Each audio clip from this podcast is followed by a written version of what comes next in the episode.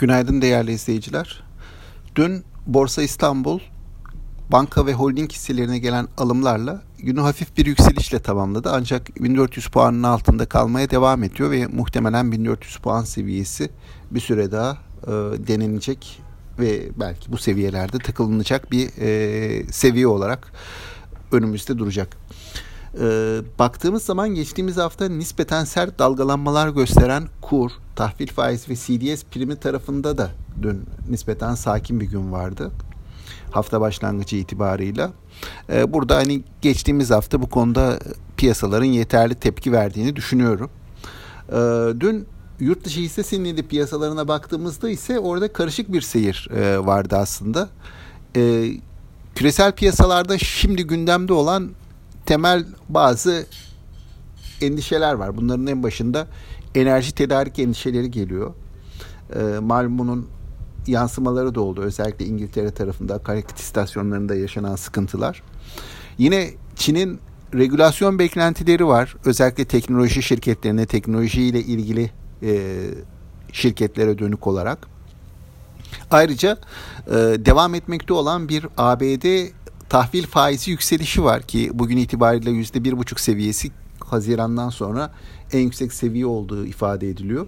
Bunun tabii ki borsada yansımaları da oldu. Şimdi bu saydığım e, temel faktörler ABD tarafında özellikle teknoloji ve nihai tüketime dönük şirket hisselerini bir miktar baskıladı. Burada satışlar vardı. Buna karşılık enerji, petrol ve banka hisselerinde ise artış gördük. Hani enerji ve petrol tarafındaki artışlar e, küresel fiyatlamalarla ilgili bunun bir yansıması olduğunu düşünüyorum. Banka hisseleri tarafında ise yine ABD'deki faiz artışının e, banka marjlarını artıştıracağı, karlılıklarını yükselteceği beklentisi var. Çünkü faizlerin dip seviyelerde kaldığı dönemde banka marjları çok çok gerilemişti. Bunun şimdi normalleşeceği, toparlanacağı beklentisi bulunuyor. Bu da banka hisselerine olumlu yansıdı. Bugünün gündemine baktığımızda küresel piyasalar bugün Fed Başkanı'nın yapacağı konuşmaya odaklanacak. Hani burada e, vereceği mesajlar, enflasyona ilişkin beklentiler önemli rol oynayacak.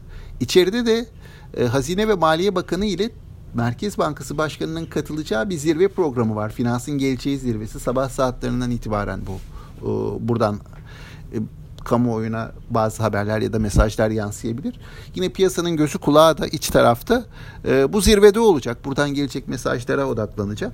E, haftanın geri kalanında veri akışı var. Yarın bankaların Ağustos ayı sonuçları geliyor. Sonrasında PMI endeksleri geliyor. O dış ticaret verisi geliyor. Yine Merkez Bankası'nın en son toplantı tutanakları geliyor.